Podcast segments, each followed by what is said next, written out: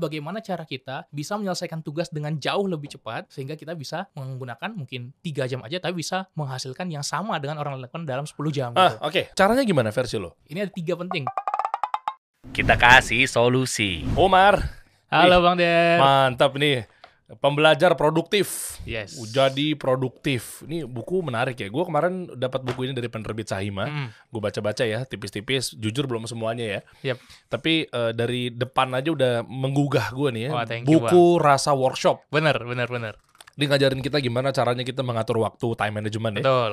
Terus eh, dan seterusnya produktivitas untuk buat konten kreator. Bisa, betul. pengusaha. Pengusaha juga. Wah, ini masya Allah nih. Artinya di sosial media juga lu 148 ribu followers. Hmm, Bantu kamu jadi lebih produktif. Nah Yes. ini yang kita tunggu-tunggu nih di sini nih. Dan bahkan kalau teman-teman pastikan nonton sampai akhir, ada sekitar beberapa pertanyaan nanti yang teman-teman bisa jawab. Nanti akan potensi mendapatkan giveaway buku jadi produktif tuh. Oh. Nah, harus nonton sampai akhir berarti Iya, ya Bang ya. Harus nonton. Nanti lu kasih berapa ya? Misalnya 5 buku buat lima orang oke nggak? Oke, sabi banget tuh Bang. Oke ya. Iya, buat Nanti- nonton di rumah. Ah, ah, nanti eh, teman-teman kalau nyimak setiap obrolan yang ada di obrolan podcast episode ini, Hmm, nanti pertanyaannya akan dikasih sama Umar sesuai dengan temanya. Betul. Nanti yang nyimak harusnya sih bisa jawab. betul, pasti. Ya, Hmm. oke ya, kita ngobrol nih. Percuma lo skip-skip sampai akhir juga, karena kan clue-nya tuh ada di tengah-tengah obrolan. Betul, jadi harus simak terus. Ya, siap bro. Ah, lu juga nomaden ya? Lu, lu Betul. homeless ya? Apa sih? Bisa dibilang gitu sebenarnya Bang. Jadi gak ada rumah gitu. Nah ini membuktikan bahwa ternyata konten kreator ketika lo produktif, lo tahu celahnya, lo tahu ilmunya, lo Betul. tahu rumus-rumusnya, Yes. kerja bisa di mana aja, Betul. tanpa harus kena sekarang lagi eranya apa Eh, rat race ya, Betul, Rat rat race. race. Ya. Terjebak budak korporat ya gitu ya. Yang Terjebak populer ya. budak korporat. Kata orang gitu sih. Bangun subuh, berangkat subuh-subuh, ngantri naik MRT, gitu ah, capek-capek pulang begitu terus. Yes. Boleh, boleh, boleh. Bro, boleh dong bro, gimana sih kasih tau gue dong rahasia konsisten produktif menghasilkan lebih banyak dengan usaha lebih sedikit. Nah, Awalnya gimana sih? Lo tuh siapa sih? jadi sebenarnya gua orang yang gak ada basic psikologi karena banyak yang ngira gitu juga kan karena Oke. bahas self development gitu. Hmm. Gua anak teknik sampai S2 tapi masalah jurusan. Kan lucu ya. Oh, Orang biasanya kalau salah jurusan itu kan males kuliahnya. mm-mm. Salah jurusan tuh biasanya nilainya jelek. oke. Nah, gue berhasil bisa lulus S2 di umur 22 tahun, nilai gue bagus banget, tapi pas itu baru gue ngerasa salah jurusan gitu. Hmm. Terus dari situ gue mulai jadi content creator, mulai sharing-sharing dari yang jadi passion gue dulu aja bang. Productivity tuh passion gue ketika kuliah dulu. Oke. Jadi sejak kuliah tuh gue bisa aktif banyak biasa lah ya, banyak ada kuliah sambil kerja juga, sambil Hmm. ngajar, sambil ikut lomba, organisasi. Mm-mm. Terus gue manage-nya gimana gitu? Gue manage-nya dengan Google Calendar, time management. Jadi itu udah lama banget gue praktekin. Terus teman-teman gue nanya, gimana mar caranya lu bisa manage ini semua? Jadi mulai dari situlah gue sharing-sharing, mulai akun Instagram, bikin podcast juga, dan akhirnya eh, sampai nulis buku hari ini gitu bang. Oh, oke. Jadi berangkat dari keresahan diri sendiri ya. Betul, betul dari Yang ribet ngatur waktunya apa segala Iya. macam ya. Sambil eh, iya kita ngobrol sambil bedah ya lah ya. Ya. Sebenarnya akhirnya munculnya buku ini gimana, Bro? Nah jadi ini yang menarik juga bang. Hmm. Tadi mau bang Derry mention ini digital nomad kan. Mm-mm. Jadi gue nulis buku ini tuh nggak punya tempat tinggal. Jadi gue pindah-pindah, gue berangkat dari Bandung keliling Jawa, Bali sampai Lombok, terus gue balik lagi itu sampai Bandung lagi satu tahun penuh itu gue naik motor sendiri. Bro, nggak ada kerjaan, Bro.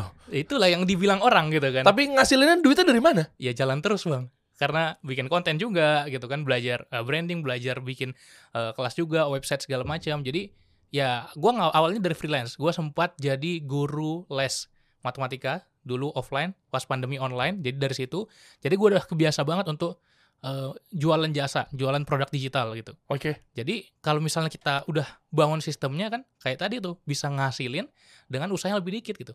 Jadi gue bisa ngasilin kayak teman-teman gue yang lain, tapi gue cuma kerja ya seminggu mungkin satu hari. Kok enak hidup lo? Nah itu dia. Jadi kalau kita kuasai skillnya tuh bisa loh bang sebenarnya. Eh, Oke, gini. Produknya apa? Maksudnya gini. Kita produktif. Mm-mm. Produktifnya dari ranah yang mana dulu nih? Ini ini, ini kita bahas ya sampai akhirnya Yes. lo punya buku ini ya. Betul. Kita ngomongin keresahan-keresahan produktif deh. Oke. Produktif apa nih yang memang menjadi isu paling besar? Contoh apakah memang dia kurang produktif di kantor? Mm-mm. Berarti dia orang kantoran. Betul. Atau produktif dia berusaha? Betul. Dia produknya nggak inovatif dan seterusnya berarti dia pengusaha. Mm-mm. Dan apa pun itu, mau dokter, mau pengacara apa segala macam. Mm. Nah, karena keresahan orang beda-beda ya. Tapi biasanya bang, kalau kita tarik benang merahnya, Ah. orang itu ngabisin waktu yang banyak. Makanya ada istilah gini, sibuk itu nggak sama dengan produktif. Banyak Oh. yang mention kayak gitu. Artinya apa? Kalau misalnya kita kerja dari pagi banget sampai malam banget, pasti produktif nggak? Kan belum tentu juga. Belum tentu. Ada orang yang kerja habisin banyak waktu, tapi ngasilnya segitu-segitu aja, Heeh. ya kan? Baik jumlah tugas yang diselesaikan atau income-nya juga gitu kan. Oke. Sama juga pengusaha ada yang nggak produktif, ada yang produktif juga kan. Oh. Ada yang habis kerja waktunya banyak, tapi penghasilannya mungkin dikit atau hasil yang dia buat sedikit gitu. Jadi idenya adalah bagaimana cara kita bisa menyelesaikan tugas dengan jauh lebih cepat sehingga kita bisa menggunakan mungkin tiga jam aja tapi bisa menghasilkan yang sama dengan orang lain dalam 10 jam gitu. Ah, oke. Sebelum bahas buku, caranya gimana versi lo? Nah, cara gua sebenarnya ini ada tiga penting, tiga Hmm. hal penting yang gua bahas juga di buku. Hmm. Kita ambil satu dulu ya, Bang ya. Hmm. Yang satu manage waktu. Mungkin ini terdengar klise ya, semua orang juga Ya. udah bahas manajemen waktu Ah. gitu. Tapi ketika gua teliti, gua cari tahu, orang paling dasar manajemen waktu simple banget, Bang, cuma bikin to do list aja. Dan itu udah lebih baik daripada nggak ada sama sekali memang.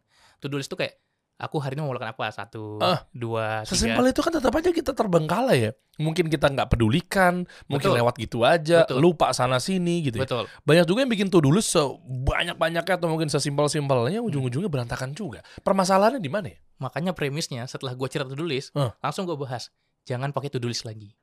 Oh ya?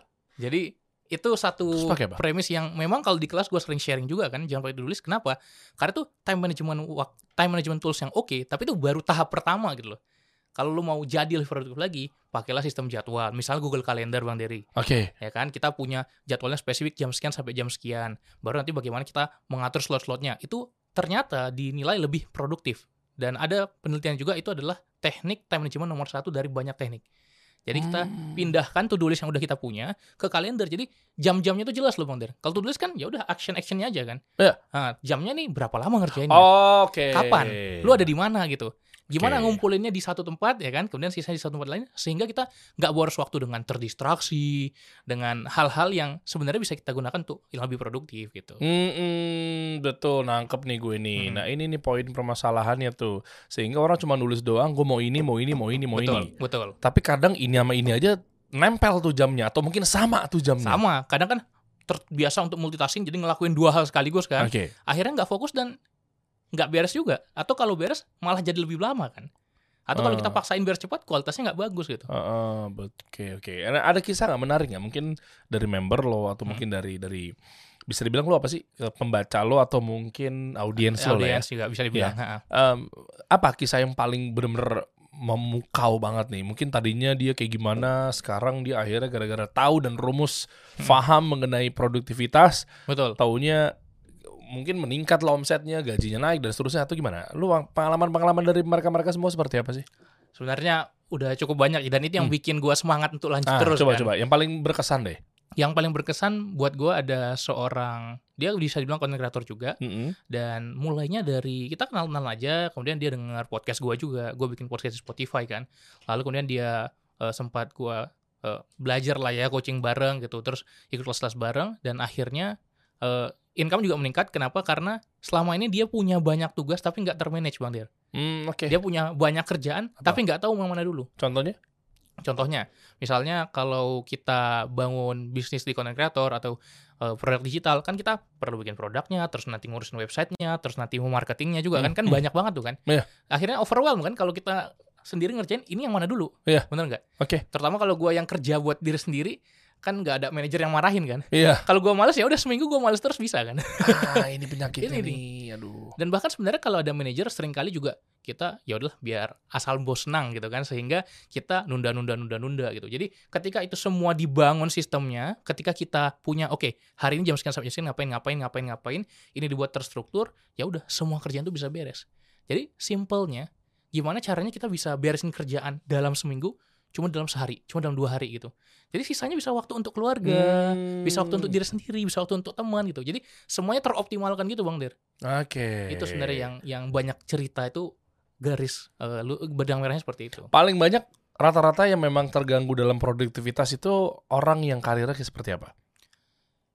semuanya sebenarnya ada tapi menurut gua yang paling struggle itu justru self employed dan pebisnis kenapa karena nggak ada yang ngatur dia kan nggak ada manajernya nih Hmm, Oke. kalau di kantoran gitu, ada manajernya. Tinggal manajernya bagus atau enggak kan? Ya. Ya kan manajernya paham untuk bikin si karyawan produktif atau enggak kan? Oh, oh. Tapi kalau bisnis owner atau self employed atau freelance, siapa yang ngatur nih? Kagak ada nih. Ah, Oke. Ya udah malas-malas terus semingguan gitu. Ya, ya, ya, ya. Oh itu rata-rata ya. Rata-rata seperti itu. Terus apa kiat-kiatnya? Lu kasih tahu ke freelance itu hanya dengan to do list aja atau mungkin bukan to do list ya, tapi jadwal. Jadwal, sistem jadwal. Oke, terus apa lagi? Ya mungkin kita sambil bedah satu persatu Hmm. ya. Kenapa orang tuh tadinya nggak produktif itu biasanya penyakitnya apa dan bagaimana cara em, mengobatinya? Mungkin Betul. dari daftar isi sambil kita bedah ya bro ya. Oke, Ini, siap. ini menarik ya. Ntar, nah ini chapter one. Fundamental. Oke, tadi tiga hal tadi ya. ya. Tiga hal tuh yang gua li- gua bahas di part 3 Bang Der. Kan di situ ada part 3 ya. Oh, oke. Yang oke. pertama kan ada time management, bener ya? Nah, oke, betul. Nah, itu tadi satu bagaimana kita punya sistem jadwal. Mungkin kita masuk ke yang kedua nih Bang Der. Yang kedua ini berarti di sini ada life journey sama passion. Cara terbaik menemukan passion untuk Oh, hidup yang part bahagia. yang part 3 Bang Der. Yang part 3 kan ada time management. Chapter Gimana nih? Ini, 10. ini part satu? Nah, Oh, oh ini. Nah Oh, itu oke. langsung praktikalnya tuh di part 3. Boleh, tapi sebelum ke situ gue pengen tahu dulu. Di sini kan lu bahas mengenai cara menemukan passion. Betul. Oke? Di part 2 buku ini ya. Yes. Em, mungkin nggak orang itu melakukan hal yang memang ternyata tadinya bukan passion dia? Mungkin. Mungkin Oh, aja. caranya gimana versi lo? Ya berarti dia ngelakuin kerjaan tapi dia nggak enjoy. Ya kan? Karena nggak Ya. passionnya. Nah, enggak maksud gue gini. Eh, dengan mungkin harapannya belajar ini Mm-mm. di buku ini, Betul. Yang tadinya mungkin bukan passion dia, Mm-mm. tapi Tetap dengan menghasilkan. ikhtiar dia, Hmm. ikhtiar dia dia pakai ini, Betul. dia bisa menghasilkan dari bidang yang memang tadinya belum dia geluti sebelumnya. Bisa menghasilkan. Bisa. Tapi pertanyaannya, lu enjoy atau nggak ngasilin? Kalau nggak enjoy tinggalin. Kalau nggak enjoy ya lu pilih gitu. Lu mau menghasilkan yang sekarang atau lu mau cari lagi yang lain yang enjoy dan menghasilkan juga Ngukur enjoy-nya tuh dari mana? Dari bakat yang kita punya. Dari perasaan kita aja. Kita seneng nggak ngelakuin? Kita mau nggak ngelakuin itu setiap hari tanpa dibayar? Kan itu cara ngukur passion kan. Hmm, Oke. Oke. Jadi gue pingin ngonten terus atau ngajar terus tanpa dibayar gitu. Tapi pada akhirnya kalau skill kita naik, value kita naik, kan orang akan bayar kita kan. Mm-mm. Iya dari situ aja. Oke. Sisanya skill ya upgrade skill kita aja gitu. Oke, di buku ini lu bahas passion. Apa yang lu tekankan di sini? Yang gue tekankan passion itu adalah banyak orang yang bilang passion itu yang kita suka kan. Mm-mm. Nah di sini gue menambahkan satu nafas lain yang kita suka plus yang kita jago. Kenapa? Karena kalau lo mau hidup dari passion nggak cukup suka doang. Oke. Kalau lu nggak jago, lu nggak punya value yang bisa ditukarkan, ya lu hidup dari mana gitu. Oke. Tapi kalau lu mau yang suka aja, ya udah cukup sebagai hobi, nggak masalah juga gitu. Mm-mm. Tapi kalau lu mau produktif dengan passion lu, harus digabungin nih. Yang lu suka sama yang lu jago. Jadi di sini perlu ada upgrade skill juga sebetulnya. Hmm, itu poinnya. Yes. Ya, upgrade skill juga kadang susah-susah gampang ya. Iya, sering Iya. dilupakan tuh biasanya. Iya, ya dalam artian uh, mungkin lo harus mengupgrade dalam hal uh, hal-hal yang memang menjadi gini. Uh, di luar sana kan banyak kompetitor kita pasti. Betul, pasti. Ini kan. Mm. Apakah kita betul-betul harus ngejar, ngotot Mm-mm. biar skill kita di atas dia Mm-mm. atau mungkin ada trik-trik lain sehingga kita menjadi pembeda. Oke. Nah, kalau mungkin di rumus branding gue itu positioning ya. Positioning. Dia yes. menjadi gajah yang berwarna ungu di antara gajah-gajah yang berwarna abu-abu yang lainnya gitu Iya. ya. Atau sapi yang berwarna purple cow merah. ya. Ah, Yes. itu ya. Mm-mm. Uh, versi lo gimana? gue setuju banget bang Der karena ketika gue main di ranah productivity ya ini karena gue biasanya productivity Mm-mm. ya yang lain juga banyak yang bahas produktivitas oke jadi gue pertama kali mau jadi content creator bang Der gue pengen bahas general banget tentang pengembangan diri gue Oke. pikir cuma gue dong yang bisa pengembangan diri karena gue suka banget ini. Gue search tuh Instagram pengembangan diri. Buset udah banyak banget Banyak bro. banyak banget kan? Self development gitu self banyak development banget. banyak banget. Tapi gue nggak tahu ada awalnya terus gue coba niche down lah istilahnya. Heeh. jadi gue cari oke keterampilan yang lebih spesifik apa yang bisa gue bahas? Gue yakin dari pengembangan diri yang gue paling kuasai dan gue paling suka adalah produktivitas. Gue search lagi produktivitas. Produktivitas. Loh kok masih banyak? Ya kan? Masih banyak tuh akun-akun produktivitas gitu kan. Terus kemudian gue cari lagi cari lagi. Yang paling gue jago apa waktu itu yang paling gue seneng gitu kan adalah tentang gimana cara kita membangun kebiasaan untuk produktif Oke. banyak orang bisa ngelakuin sesuatu tapi susah konsisten kan. Ah. Nah, gue banyak belajar tentang itu, gue banyak penelitian tentang itu, tentang habit, tentang bagaimana otak kita bekerja. Terus gue search habit produktif atau kebiasaan produktif. Mm. Nah, itu masih belum ada. Jadi gue mulai startnya dari situ dan ngebangun skill gue dari situ dulu. Oke. Makanya awal-awal gue eh, sempat jadi habit coach awalnya. Jadi ngapain habit coach itu? Jadi kita coaching khusus untuk ngebantu dia ngebentuk kebiasaan. Nah, gue mulainya dari situ, Bang Dir. Jadi Hmm. harus ada skill yang spesifik gitu kan yang akhirnya kita bisa bersinar di situ karena kalau kita mau ngejar komputer yang udah besar mau sampai kapan gitu Hmm. Ya kan kalau kita mau main general dari awal mau sampai kapan juga akan kejar jauh banget. Jadi kita cari satu hal yang kita bisa benar-benar kuasai di mana, passion kita di mana yang setidaknya kita tidak terkalahkan dulu di satu ruang Ya. lingkup atau niche yang kecil tadi, spesifik niche tadi gitu. Eh, Oke, jadi kalau memang kita mau upgrade dari situ, minimal kita udah tahu langkahnya dari mana. Betul, betul. Ya kan kalau kita enjoy di situ, Mm-mm. passion di situ Betul. dan seterusnya daripada terlalu liar gitu kan. Yes, ha-ha, Ketika mau upgrade bingung. betul. Karena aduh yang ini aja sebenarnya gue basic aja gue nggak tahu loh. Mm-mm. Tapi sementara eh, harus upgrade lagi gitu ya. Iya. Oh masya Allah. Terus eh, coba kita bahas ke part 3 tadi ya. Ya, Lo bawa gue ke part 3. Part 3 di sini ada tiga rahasia mengelola diri dan melejitkan produktivitas. satu udah gua bahas tadi kan, Ya. manajemen waktu. Oke. Lalu metode mengatur waktu supaya 24 jam optimal. Yes, yang pertama kan, Oke. time management. Ya, oke. Lalu kunci yang kedua adalah cara kelola energi dan produktif sepanjang hari. Nah, ini yang kedua Bang dari yang Apa? menarik. Pakai apa? Enervon sih? Ener-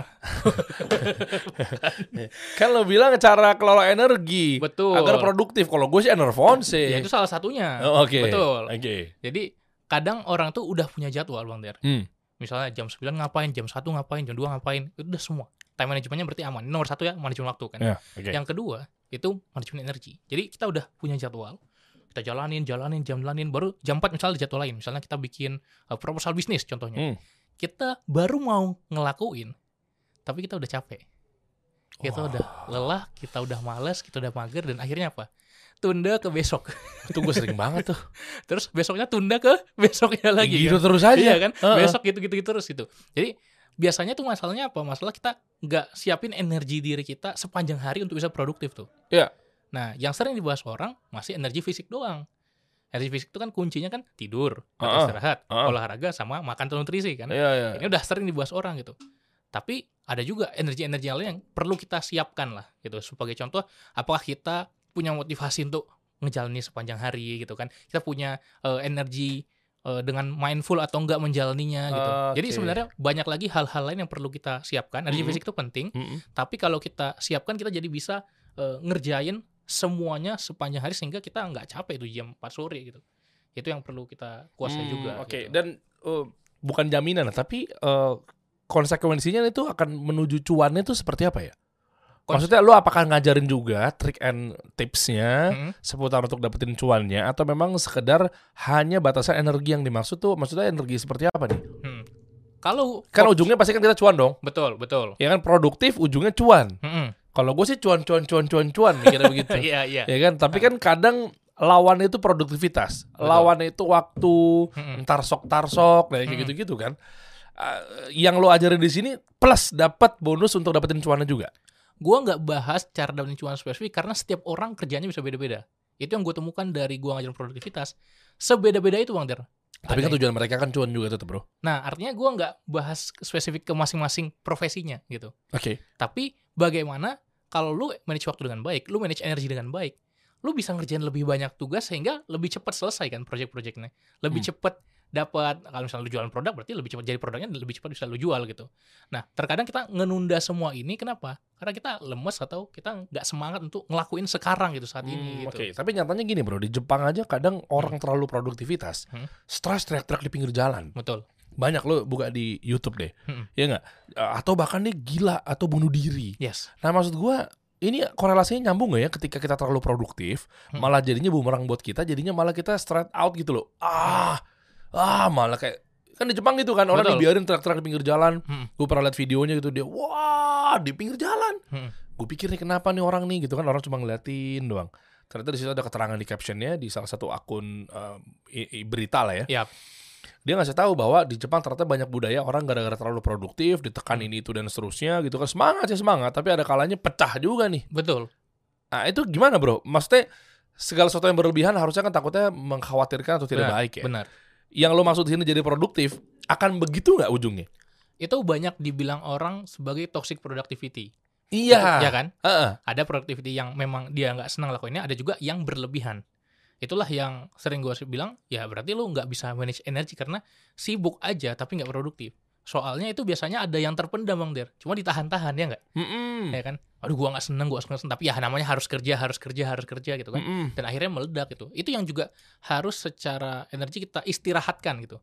Misalnya dengan kita refreshing salah satunya, atau kemudian kita juga lebih banyak eh, peduli dengan diri kita sendiri gitu kan. Kalau sekarang kan populer tuh journaling, healing dan lain-lain gitu. Mm-mm. Jadi itu semua satu kesatuan energi yang mana istirahat itu bukan fisik doang. Oke. Ya kita istirahat dari pekerjaan kita, misalnya benar-benar ketika pulang, ya udah kita istirahat dengan eh, diri kita sendiri atau kita cari hobi-hobi kita gitu. Banyak orang yang kerjaannya sampai di rumah dibawa juga gitu kan. Mm. Atau kemudian pulang juga nggak ambil istirahat berkualitas hanya dengan scroll-scroll sosmed juga sampai malam dan tidur lagi gitu kan. Mm-mm. Jadi kita yang memilih kita nge-charge energi kita dengan cara apa gitu yang lebih bermakna Bang Der. Oh, Hmm. itu poinnya. Iya. Jadi nggak nggak nggak asal ngegarap ya, Iya. nggak asal ngegarap dan seterusnya. Ah, Ini ya, ini ya penggunaan waktu yang ini kan sih? Betul, itu penggunaan waktu. Nanti kita mengubah bagaimana kita lebih banyak produktifnya gitu. Oh, produktif, konsumtif. Lawannya itu. Jadi penggunaan waktu 30%, gue jadi bocorin dikit-dikit nggak apa-apa ya? nggak apa-apa Bang Der. 30% produktif, 75% konsumtif. Mm-mm. Maksudnya gimana nih? 75% produktif, 25% konsumtif. Jadi, Maksudnya gimana? jadi kalau kita mengakses atau melihat sepanjang jadwal kita, kita banyakkan produktifnya atau konsumtifnya nih. Karena kita bisa kurang lebih memperkirakan. Oh, karena persen? dua hal ini berbeda ya? Ini bertolak belakang. Produktif dengan konsumtif itu bertolak belakang. Kita sehari-hari banyakkan kerjanya atau banyakkan main sosmednya. Ayo lo. Oh. Nah. Banyakkan kerjanya atau banyakkan terdistraksinya. Boleh gue tangkap nggak? Orang produktif sudah pasti konsumtif, orang konsumtif belum tentu produktif. Orang Bukan gitu? lebih tepatnya gini, kita nggak akan bisa produktif 100%. Kenapa? Kita juga butuh istirahat, kita juga butuh eh, mengkonsumsi hal-hal yang mungkin saat itu nggak produktif. Oke. Nah, tapi kita bisa meningkatkan perlahan rasio kita. Hmm, Oke. Nah, dari penggunaan waktu kita, misalnya aku produktifnya masih 30% nih, sisanya Hah? konsumtif. Perlahan-lahan aku naikin, naikin, naikin, supaya rasio penggunaan waktuku lebih banyak produktifnya.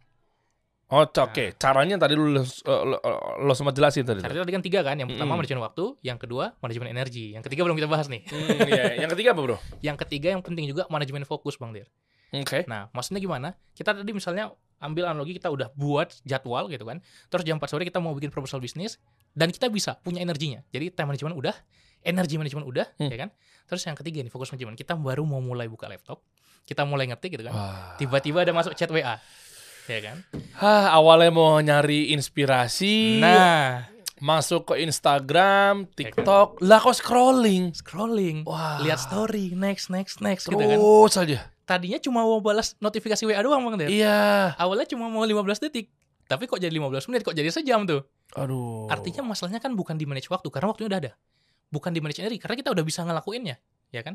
Tapi kita nggak bisa manage perhatian kita jadi kita mudah terdistraksi. Makanya yang ketiga, manajemen fokus tuh jauh lebih penting lagi gitu. Nah, ini gue boleh tahu caranya. Apakah di airplane mode? Hmm? Apakah dimatiin? Nggak mungkin juga. Sekarang nyari insight dan seterusnya itu pasti Hmm. dari gadget. Yes. Nah, cara lo gimana? Paling ampuh biar kita begitu duduk mau bikin proposal bisnis Hmm. atau mau bikin deck dan lain sebagainya, udah gimana sih sesimpel gitu dong? Jauhin aja handphone nggak? Salah satunya itu, tapi tidak harus itu. Karena kerjaan orang kan ada yang pakai sosmed juga, kan? Iya, terus ada yang pakai handphone juga gitu. Jadi kita perlu menyadari kita terdistraksi atau enggak. Nah, jadi salah satu teknik yang gue bahas di buku juga, kita buat satu sticky note, satu kertas kecil. Jadi kalau misalnya kita lagi kerja, terus kita terdistraksi, kita tulis dulu distraksinya. Jadi supaya nggak ganggu pikiran kita. Kan kita kadang ide-ide itu kalau kita mau kerjaan sekarang kita nggak ngerjain tugas ini. ah, ah, Kalau kita mau kerjain tugas ini, ide ini lupa, bener nggak? iya. Ya udah kita taruh dulu ke lembar distraksi atau ke catatan kecil ini. Jadi Oh. kita tulis, tetap fokus, oke? Ada distraksi lain lagi nih, kita tulis, tetap bisa fokus. Kalau udah beres kerjaan kita, baru kita kerjain, kita lihat lagi nih kertas ini, baru kita kerjain satu-satu. Jadi nggak hilang gitu loh. trik ini lo dapetin dari mana, bro? Dari banyak bang sebenarnya yang kalau di buku produktivitas luar negeri bahas atau eh, kelas-kelas produktivitas luar negeri bahas itu udah cukup umum sebenarnya bang. Tapi di Indonesia jarang gue lihat yang bahas itu. Iya, iya, iya, iya. iya. Istilahnya lembar distraksi kalau namanya gitu. Dan Iya. banyak sebenarnya cara-cara yang bisa kita optimalkan. Tinggal kita cari yang cocok buat kita teknik yang mana nih gitu. Dan lo pakai itu juga. Gue pakai itu juga. Selain gitu. itu ada lagi nggak cara-cara rahasia yang lainnya? Selain itu misalnya teknik Pomodoro. Ini populer juga bang. Ah. Jadi kita membagi pekerjaan kita menjadi 25 menit bekerja, 5 menit istirahat singkat. Oke. Kalau misalnya kita nggak balas WA seharian itu namanya slow respon dan Hmm. lo dimarahin bos lo gitu kan. Iya. Tapi kalau lu nggak balas WA 15 menit ya masih oke lah. 15 menit terus di- itu dulu balas gitu kan. Jadi lu jangan sentuh handphone sama sekali, lu simpan dulu ya kan, boleh airplane mode, do not disturb. Lu kerja fokus 25 menit, jangan terdistraksi apa pun. 5 menit istirahat singkat baru lu cek lagi tuh. Baru habis itu kalau beres lu balik lagi. Nah, itu namanya 25 menit lagi. 25 menit lagi. Nanti balik lagi 5 menit istirahat lagi. Iya, jadi satu siklus kan 30 menit, Bang. Heeh. Itu satu Pomodoro. Kalau udah 4 siklus, berarti 2 jam kan? Heeh. Baru kita istirahat yang boleh lama, setengah jam, 20 menit. Baru itu istirahatnya gitu. Jadi tadi istirahat kecil-kecilnya itu 5 menit doang. Oh. Gitu. Wow. Wah ini banyak yang melek ya sebenarnya Yes. ya. Yang gua hal-hal yang memang gua tangkap ini secara klise, Ha-ha. klasik. Tapi kita juga sering lengah loh. Betul. Yang kayak begini-begini loh. Kita berantakan banget. Jujur gue pribadi masih berantakan banget.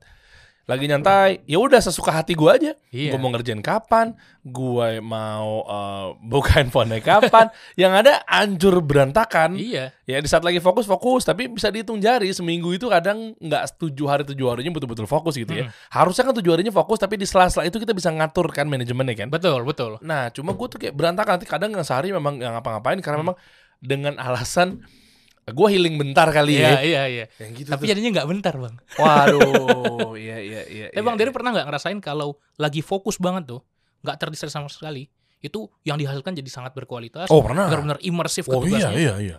Gimana kalau setiap hari kita bisa kayak gitu? Nah itu pengennya Nah, begitu. Itu yang perlu kita latih Bang sama-sama gitu. Time management, Energi manajemen, energy management, fokus, fokus, manajemen. management. Tuh. Oh, ngerti gue. Gue pikir tuh tadi men- menjawab tiga hal ini, time, energy, Fokus. fokus. Gue pikir cukup dengan Casio, Enervonse, Itu kan Aqua. eksternal, Bang. kan kemampuan mengelola itu internal, Ya, Bang. ya, ya. Nah, Brand semua gue sebut ya. Gue pikir fokus hanya pakai Aqua doang. Enggak. Ternyata nggak kurang dari itu. Ikhtiarnya internal harus. ikhtiarnya harus kita usahakan. maksimal ya. Betul. Oke, ini ada teknik monotasking. Cara tepat dalam bekerja untuk tidak mudah terdistraksi yang bisa masuk ke flow state. Yang tadi Betul. lu jelasin tadi ya. Iya, jadi bagaimana kita nggak terdistraksi, nggak ngelakuin banyak hal sekaligus, Hmm. tapi fokus nyelesain satu hal dalam satu waktu gitu. Uff, perhatian, fokus, konsentrasi. Oh, ini ada matrix nih. Hmm. demen banget matrix. Yang kesulitan tugas, kemampuan. Hmm. Ini yang ini nih. Tuh. Yes. Jadi kita kalau misalnya mau masuk ke flow state, flow state itu kondisi di mana kita benar-benar fokus banget bang, nggak bisa terdistraksi sama sekali. Oh, oke. Itu kita coba cari tugas yang jangan terlalu susah, jangan terlalu mudah. Cara bedanya Karena gimana? kalau tugas yang terlalu mudah, Hah? kita kan biasanya bosan ya bang. Itu itu Oh, aja iya, dikerjain, iyalah, monoton, repetitif. Iya, iya. Tapi kalau tugas yang terlalu susah, kita sering stres, cemas gitu kan. Heeh. Nah kita cari kalau kita lagi mau latihan fokus nih, cari tugas yang kira-kira kesulitannya setara dengan kemampuan kita. Boleh nggak dicontohin? Contoh kasusnya gimana? Kalau setara dengan kemampuannya misalnya berangkat dari gue deh. Hmm. Gue profesinya podcaster. Oke. Repetitif dong. Hmm. Besok ketemu sama si A, si B, Betul, si C. betul. Begitu mulu hidupnya gitu kan. Iya. Kadang ada ngerasa kayak, aduh boring juga nih ya. Hmm, Ngapain ya, ngapain ya. Nah maksud gue gimana? Kalau gue gas dengan yang di luar kemampuan gue, berat. Hmm. Oke? Yap. Eh, yang kalau di tengah-tengah pada umumnya repetitif. Yes. Khawatir kita bosan. Yap. Cara yang paling mudahnya gimana bro? Identifikasi gini bang. Dari tugasnya bang Dery, apa tugas yang bikin bang Dery semangat banget, imersif banget di tugas itu sampai bang Dery nggak kerasa dua jam berlalu ngerjain tugas itu. Oh, Ada nggak Ya kira-kira? pasti ada aja sih. Nah tugas itu yang bikin kita masuk ke flow state karena kita sebegitu enjoynya. Gak terlalu gampang, tapi tetap menantang untuk dilakukan. Heeh, Entah oke. mungkin buat beberapa orang konsep bisnis baru, Heeh. buat beberapa orang eh, ngerjain operasional, ya kan? Iya. Buat beberapa orang strategi marketing yang kreatif. Eh. Nah, apa hal-hal yang bisa bikin kamu masuk ke flow state? Nah, mulai dari situ dulu. Oh, ngerti gue. Ya, ya kadang memang ada yang gue suka banget tuh kayak gitu tuh. Iya. Misalnya kadang tiba-tiba langsung kreasi eh, bikin deck Ha, atau mungkin kreasi eh, bikin timeline buat gimmick marketing itu Nah, dan saat seterusnya. Bang Dery ngelakuin itu, Bang Dery benar-benar fokus, Bang Dery terdistraksi nggak? Enggak. Nah, itu yang perlu Iya, kita iya, iya, perbanyak, iya. Bang, dalam tugas-tugas kita. Oh, keren, keren. Gue demen nih. Nah, ini ada lagi nih matrix nih, ada mendesak, nggak mendesak, nggak Hmm. penting, penting. Penting nggak penting? Hmm, oh, kapan yang harus di-decide? Ya kan? Eh, Itu matrix Eisenhower kan? iya, Betul. betul. Itu Gue kan gue baru ngeh nih. Decision matrix itu populer banget. Eisenhower, Matrix yang pernah dibahas sama coach eh, Rene juga Iya, di Coach. Rene juga. Itu di manajemen waktu itu populer banget Bang matrix itu. Iya, iya, iya, iya. Iya, betul betul betul betul Kan betul. banyak betul. orang yang ngira kita harus mengutamakan yang kuadran satu kan, yang penting mendesak. Benar nggak? Iya, iya, iya. Justru sebenarnya kalau penting dan mendesak, pasti kita lakuin nggak sih? Heeh. Nah yang sering kita lupa itu yang kuadran dua bang, yang penting nggak mendesak. Yang penting tapi nggak mendesak. Misalnya kita mau mulai bisnis kita, ya Ya, kan? Tapi harus decide di situ. Kit- Kita harus decide kapan ngelakuinnya. Banyak orang bilang, oke, aku nanti mau lebih rajin olahraga. Nggak dimasukin ke jadwal, nggak dilakuin. Iya nggak? aku mau makan lebih sehat, aku mau eh, rajin apa pun lah gitu kan. Penting rajin tapi nggak mendesak ya juga ya. Iya, Baca buku penting nggak? Misalnya. buat- Penting. tapi nggak mendesak kan? Iya. Nggak kita lakuin tuh kalau nggak kita jadwalin. Ah, Iya. makanya di sini jadwalkan waktu untuk Yes, mengerjakan. betul. Olahraga penting nggak? Penting lah. Mendesak nggak?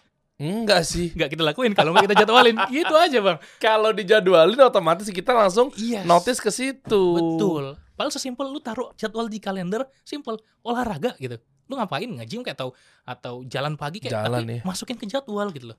Nggak Iya, kita masukin iya ke gara-gara sistem. jadwal kita langsung jadi notice sih. Betul. Oh iya ini ya. Oh betul. iya itu ya. Hmm, oke, kalau yang di delete ya itu nggak penting dan nggak mendesak ngapain? Iya, kayak misalnya eh, sosmed yang kita bukan kerjaan kita ya, scrolling nggak jelas. Eh, Ya kurangi lah gitu.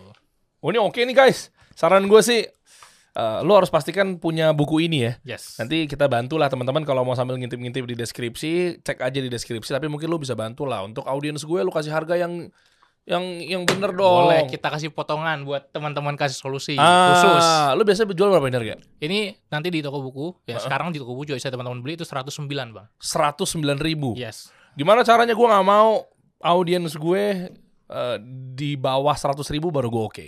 Kita berikan lah potongan buat khusus nanti teman-teman penonton kasih solusi. Heeh. Kita kasih potongan 10% khusus di link yang nanti di deskripsi. Oh mantap nih di bawah ya teman-teman ya. Jadi nanti lo Cek tinggal klik aja. Kalau bisa kasih kode promo ya. Nanti kita bikin kodenya, Bang. Ah, Hmm. tulis aja misalnya kasih solusi. Ya. Nanti diikutin aja nanti di keterangan sih. Gue sih request kasih solusi gitu. Siap, bisa nanti kasih Ya. Solusi truk, tiba-tiba ada potongan di bawah jadi 100 ribu bro. Oke. Gitu cakep. Kurang dari 100 ribu, Bang. 90 sekian, mungkin 10% jadi kurang dari 100 ribu. Wuh mantep. Iya di bawah 100 ribu kan berarti kan? Iya. Hmm. Mantep. Oke boleh tuh.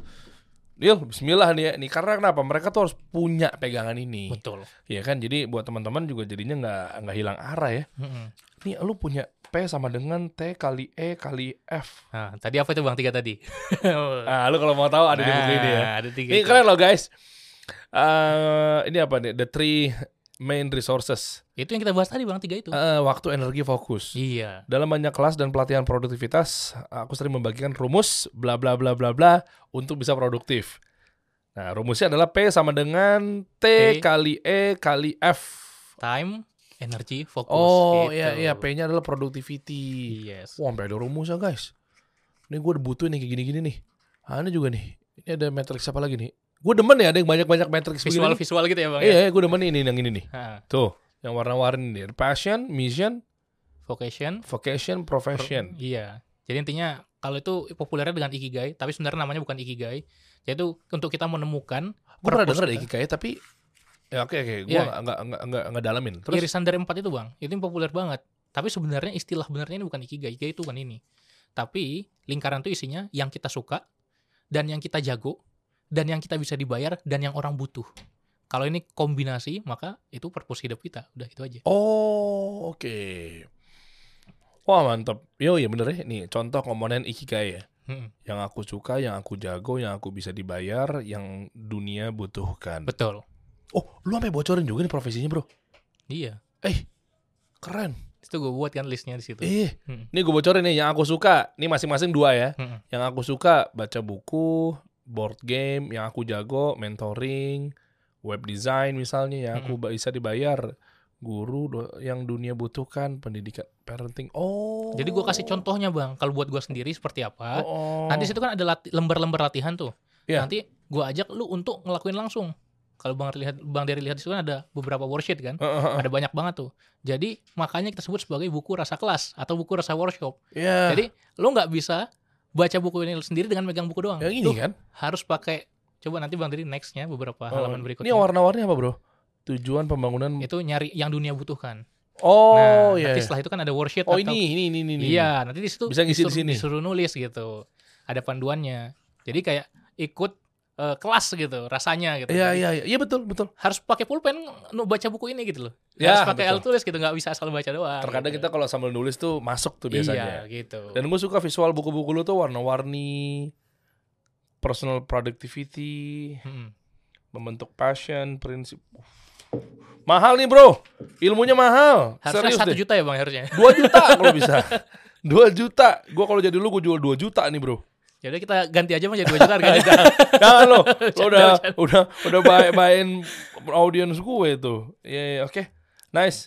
Kira-kira gimana bro? Um, mungkin buku ini udah bisa dibeli sekarang ya? Bisa di toko buku cari aja nanti Mhm. teman-teman bisa langsung beli gitu ya. Dan ada juga eh, online di link deskripsi nanti bisa dibeli. Oke, ada kira-kira yang memang lu pengen nyampein ke audiens gue Mhm. terkait eh, produktivitas gitu, apa yang memang menjadi hambatan buat teman-teman semua dan bagaimana cara menanggulanginya mungkin ada yang belum disampaikan bro. Oke. Hmm, gimana bro? Sebenarnya kita udah sering bang lihat konten-konten pengembangan diri produktivitas di sosmed kan. Ya, Dan kita kadang udah tahu juga gitu yang perlu dilakuin gitu. Iya.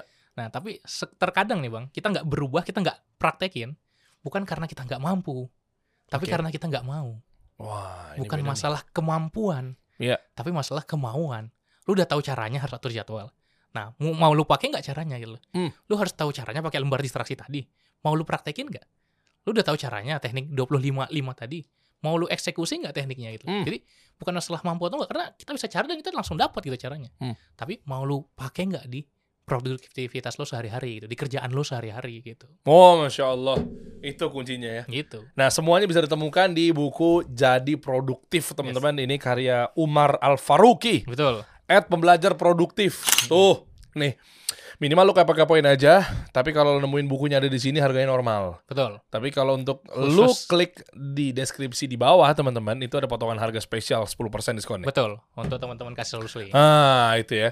Nah, tapi kalau memang lu pengen cek sosial medianya dulu, Umar, ini ada di sini nih. Bisa. Ya, lu coba ke bawah-bawain dong. Nah, ini semua dibahas ya mengenai mau upgrade diri. Betul. Ya, terus ada lima man- manfaat kalau kamu jago ngatur waktu. Oh, lu juga Ah. ada, ada ada jelasin begini ya. Iya, gue sering bikin konten tentang self development, productivity gitu. Eh, Oke, setiap selesai makan malam, gua akan menulis jurnal. Setiap sedang di jalan, gua akan mendengarkan podcast. Setiap jam 7 pagi, gua uh, akan baca buku 10 menit. Latihan bentuk habit tuh bang, latihan bentuk kebiasaan. Oh, ini aja Gitu. gratis ya. Iya, Dan uh, ini worth it lagi. Lo jualnya tadi bahkan lu kasih uh, diskon nggak nyampe 100 ribu ya. iya benar. Masya Allah. Ya, cek aja teman-teman ya di deskripsi di bawah. Mungkin abis ini gue juga bagikan. Nah, Nah, ini, yang nih. menarik nih. Coba dong, yuk sesuai dengan janji gue di awal teman-teman. Mm-mm. Jadi buat lo yang mantengin eh, hingga berjalannya hampir menuju satu jam ini. Yes. Nah, gue pengen lo berikan satu pertanyaan nanti giveaway ya bisa Yap. dibilang teman-teman mendapatkan buku ini secara gratis. Ada lima pertanyaan, silakan tulis di kolom komen. Kita akan memilih jawaban tercepat dan tertepat. Yap. Jadi jawaban yang paling atas percuma kalau lo ngebut tapi nggak tepat. Yes. Nah, harus cepat dan tepat. Nah, Nah, ya. nanti bakal dipilih. Iya dong ya. Coba eh, lu kasih pertanyaan yang pertama, nanti buku ini meluncur ke akun siapa nih? Ini Oke. buat teman-teman yang di YouTube ya. Ya, Buat lu lihat yang potongan di Instagram, lu silakan mampir ke YouTube kita dulu. yes. Di sini yang narasumbernya Umar jadi produktif atau pembelajar produktif, nanti lu tinggal jawab di kolom komen ya. Gimana bro? Pertanyaan pertama? Ini satu pertanyaan untuk semua atau satu masing-masing satu nih? Masing-masing satu. Masing-masing satu. Satu lah, Oh. ya kan? Lima orang, satu orang dikasih lima buku, Oke. malah jadi nggak produktif. Iya, iya, Jadi iya, kan iya. Ngapain satu aja? Yang pertama nih. Yang pertama nih ya, ini ini untuk eh, soal yang pertama. Jadi ada Ah. lima soal ya. Oke. Oke, untuk pemenang yang pertama kira-kira siapa? Yuk. Yang pertama, lo jangan pakai to do list tapi lo harusnya pakai apa? Nah, Nah, komen betul. di bawah. Yuk, buruan ya. Boleh jelasin. Kasih komen. clue ya. Angka satu berarti ini adalah menjawab untuk soal yang pertama. Betul. Satu titik jawabannya. Yes. Main Nah, cepat aja ya. Oke. Oke, untuk yang kedua nih, Bro. Yang kedua, Ya. tadi kita bahas tiga hal tuh untuk kita produktif. Ada eh eh eh Ah, apa aja iya, itu? Iya, iya, iya, iya. Ayo, ayo, ya. ayo, cepet-cepetan nih. Hmm. Ya, gue sih nggak bocorin ya. Masa gue tega, gue kasih tau belakangnya fokus. Yo. Ya. Langsung dua lagi tuh jadinya. Iya, yang penting kan ter- iya, tercepat, iya tercepat. benar, yang tercepat ya. Ayo, dan tertepat. Ya, oke. Yuk, tulis di kolom komen. Dua nih. Nomor dua ya berarti ya. Nomor dua, ayo Bran. Sekarang yang nomor tiga ini tentunya kalau mudah-mudahan ini lima-limanya beda-beda orangnya ya. Iya. Dan kalau bisa bukan mudah-mudahan, kalau ternyata ternyata kodarullah eh, lima-limanya dijawab sama satu akun yang sama, Hah? mungkin nanti kita cari yang runner up-nya kali ya. Oke, Karena nggak fair dong, Iya. ya kan? Masa lima-lima mau borong, mau jual lagi loh. Sekarang berarti untuk soal yang ketiga, untuk orang yang ketiga yang menang. Siapa bro? Oke, yang ketiga, Hmm? gimana caranya supaya kita fokus, nggak terdistraksi tapi nggak hilang juga idenya. Pakai apa caranya? Ah, komen di bawah, angka tiga depannya ya, tiga tiga. titik jawabannya. Yes. Oke, yang keempat bro. Oke, yang keempat ini tadi supaya kita tetap fokus, kita bagi kerja berapa menit untuk fokus, berapa menit istirahatnya. nah, ya, ada ya, tadi ya. kita bahas kan? Ada, Nah. ada. Yuk, buruan komen di bawah ya. Yang keluarnya 30 menit kan? Mm-mm. Iya kan selama 30 menit Iya, kan pembagiannya harus benar. Betul. Iya berapa kan? berapa tuh? Ya, ya, ya. Oke, ini yang terakhir, Bro. Nah, yang keempat nih tentang passion. Ini kesukaan gue bang. Passion Hmm. itu bukan hanya apa tapi juga apa. Jadi ada dua komponen passion. Oke, Nah, ayo komen di bawah 5 nomor titik lima ya. jawabannya apa. Hmm. Nah, sembari nanti tim kita lihat tercepat dan tertepat siapa, nanti teman-teman akan mendapatkan kesempatan ini dia buku gratis ya dengan judul Jadi Produktif karyanya Umar Al Faruqi pembelajar produktif. Nah, namun sisanya di luar lima orang ini yang potensinya misalnya dibilang kan ke sekarang berapa tuh kita potensi eh, subscribers kita kan 600 ribuan. Yap. Jadi teman-teman juga berpeluang tuh. Artinya potensi itu untuk mendapatkan buku ini. Tapi kalau 600 ribu dibanding 5 kan sisanya pasti Banyak lagi lah. banyak banget ya. Iya. Nah nggak usah khawatir teman-teman. Ada harga spesial untuk mendapatkan buku ini. Langsung aja klik link di bio. Deskripsi ya mungkin. Oh deskripsi sorry ya ada di bawah ini ya buat lo yang nggak dapat dan nggak berhasil misalnya nggak usah Yes. khawatir itu worth it menurut gue ya nggak nyampe Betul. 100 ribu udah bisa dapat buku seperti ini dan bahkan ini pengalaman, pengalaman luar biasa nih. Nah cek aja ya di deskripsi Hmm. atau nanti masukin juga plus Yes. kode, Kode promonya eh, Hmm, kode kuponnya Hmm. kasih solusi. Iya. Mantap nih bro. Gue mau kasih tau bang, satu Apa, bonus bro? buku ini selain cuma buku. Apa tuh, bro? nggak ada di buku lainnya. Apa tuh? Ini boleh di scroll sedikit nggak bang? Kata? Boleh dong. Jadi kalau di buku jadi produktif ini bang, nanti kalau kita beli bukunya, di pembatas bukunya ada QR code. Yang ini nih. Nah, di pembatas bukunya. Oh ini. Nah, Nah ini. ada QR code nggak tuh bang? Ada ada. ada. Nah, di QR code itu kalau kita scan, teman-teman bisa enroll e-course, isinya ada 20 teknik produktif, itu gratis. Gratis. Gratis. Lo nontonnya di mana? Nanti YouTube. ada di website gua gua taruh. Jadi khusus untuk e-course-nya aja. Oh enggak, maksudnya nontonnya platformnya berarti YouTube-nya yang Ada. unlisted gitu? Iya, ada LMS-nya lah. Oh. Coba gue coba. Bisa nih serius nih. Bisa, Bang. Ini nih tulisannya nih. Ini, Nah. ini ini nih, ya. Itu selain e-course-nya, Bang, itu ada itu, Bang. Ada record webinar gua, ada template yang bisa lu print tuh di atas kanan tuh. Oke. Kemudian eh, ada bukunya juga kan sama yang di bawah ini nanti ada Oh, oke. eh, si online course-nya gitu. Oh, berarti gini, Bro. Eh, berarti ini beruntung banget buat teman-teman yang Iya. beli ya untuk lo lakukan pembayaran Mm-mm. saat ini ya, kecuali pemenang giveaway tadi ya. Yes, Alhamdulillah betul. dia beruntung banget tuh. Betul. Ya kan, nah, tapi kalau memang di luar pemenang giveaway tadi, lo tinggal beli secara normal dan bahkan dapat special price. Betul. Secara manual aja lo klik aja tuh di deskripsi, Betul. masuk ke website, Mm-mm. lo tinggal lihat aja.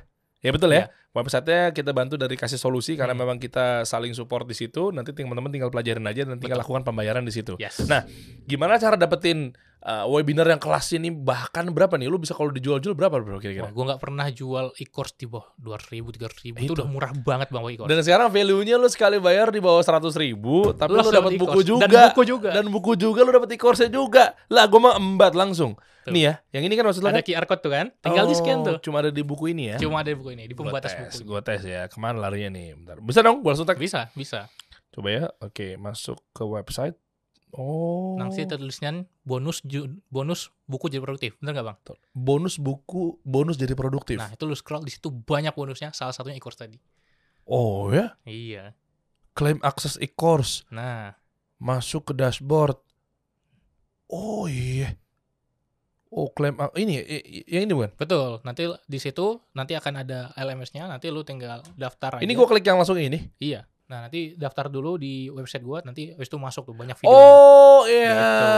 iya iya iya iya. Iya, langsung iya. free kan bang Eh, untuk e-course-nya gitu. Jadi udah Oh, jadi iya. bonusnya gitu. Oh iya. Ah nonton lah nanti mampir rumah. Nah Kan udah punya gue. betul betul. Gue bisa ngambil dong. Kenapa lo nggak suka lo?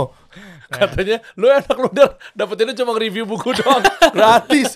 lah iya dong. Ya kan bener dong. Bener Ini bener. sah dong. Bener, Punya sah. gue sah. nah. Ntar gue tinggal pelajarin nih. Jadi produktif, oh, masya Allah baik. Ada lagi nggak kupon-kupon undian? Apa kayak lu nggak ada hadiah Avanza gitu?